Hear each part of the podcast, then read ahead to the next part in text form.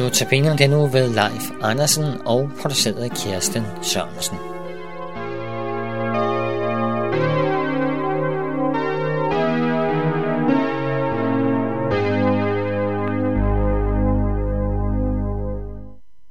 Hvad er håb egentlig? I denne uge har vi set på, hvad det vil sige at håbe på Gud, at råbe til Gud og kalde på Gud og længes efter Gud og søge efter vidshed i det håb. Nu skal vi se på håbet i en anden vinkel. Når andre råber til Gud,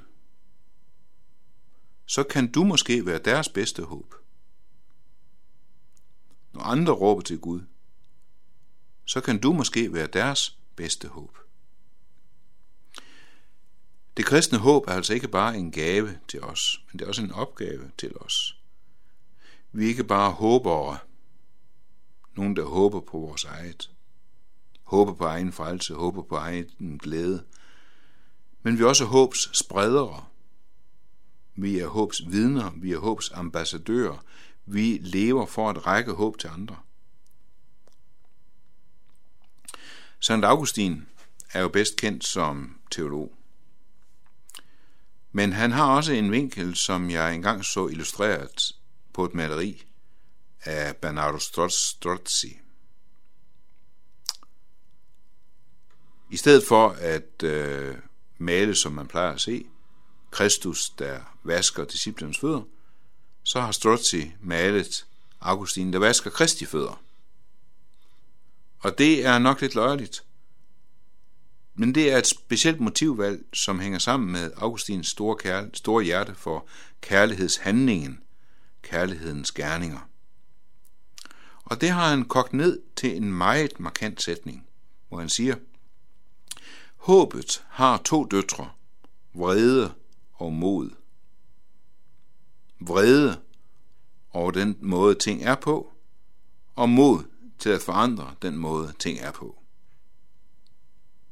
Altså håbet har to døtre, vrede og mod, vrede over den måde ting er på, og mod til at forandre den måde ting er på.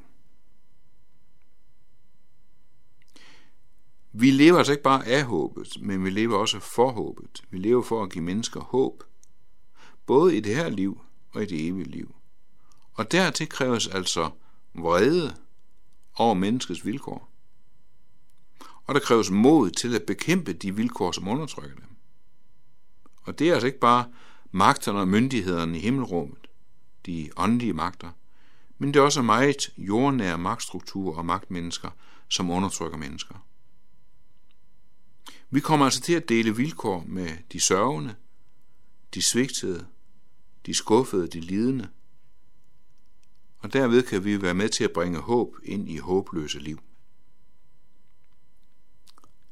Vi har i den her uge set på, hvordan det kristne håb, det er et anker, som er kastet ind fra vores verden, ind i Guds verden, ind gennem forhænget.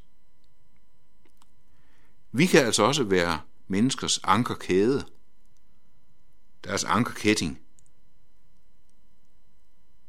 den kæde, hvorved de kan hugge deres håbsanker ned i Guds løfter. Og det er en af grundene til, at Jesus sagde, at hvis nogen vil følge efter mig, så skal han tage sit kors op. Han sagde ikke, at hvis nogen vil følge efter mig, så skal han realisere sig selv, og dagligt tage sit dankort op og gå løs på livet. Han sagde, at vi skulle tage et kors op. Vi skulle altså gå efter en lidelse. Ikke sådan, at nu skal vi til at rende rundt og så finde os en eller anden passende lidelse i en slags åndelig selvpineri. Men vi skal sige ja til den lidelse, som Gud forud har lagt til rette for os at vandre i. Og det er altså et ja for andre menneskers skyld. Vi lever i dødens og nødens verden. Vi lever også i livets og i latterens verden, for sådan er Gud skabt den. Men der er bare så mange mennesker, der lider.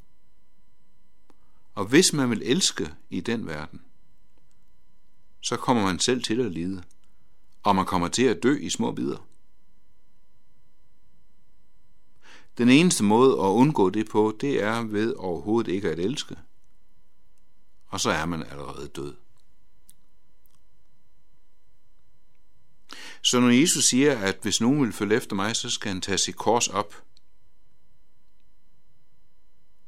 Så det er altså ikke for, at vi skal bare miste et eller andet, fordi glæde er mistænkelig, eller det er lutrende eller sundt at sætte noget til.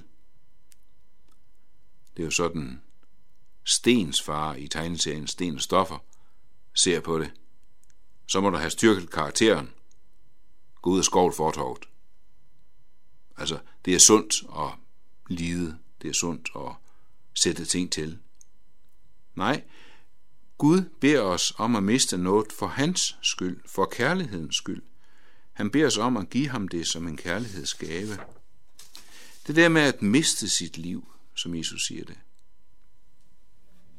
det kan jo ske på to måder. Man kan blive overfaldet, eller man kan, mis, man kan sætte liv til selv. Man kan blive overfaldet af lidelse, eller man kan selv sætte liv til. Og det første, det er nok det mest almindelige. Man bliver overfaldet af lidelse, ting man ikke har bedt om, og ting man bestemt ikke har, har spurgt efter, det vælter ned over en. Lidelsen springer på mig, og den stjæler min glæde. Det er det almindeligste. Det er også det enkleste, for det kræver kun tro. Ja, kun tro, sagde han.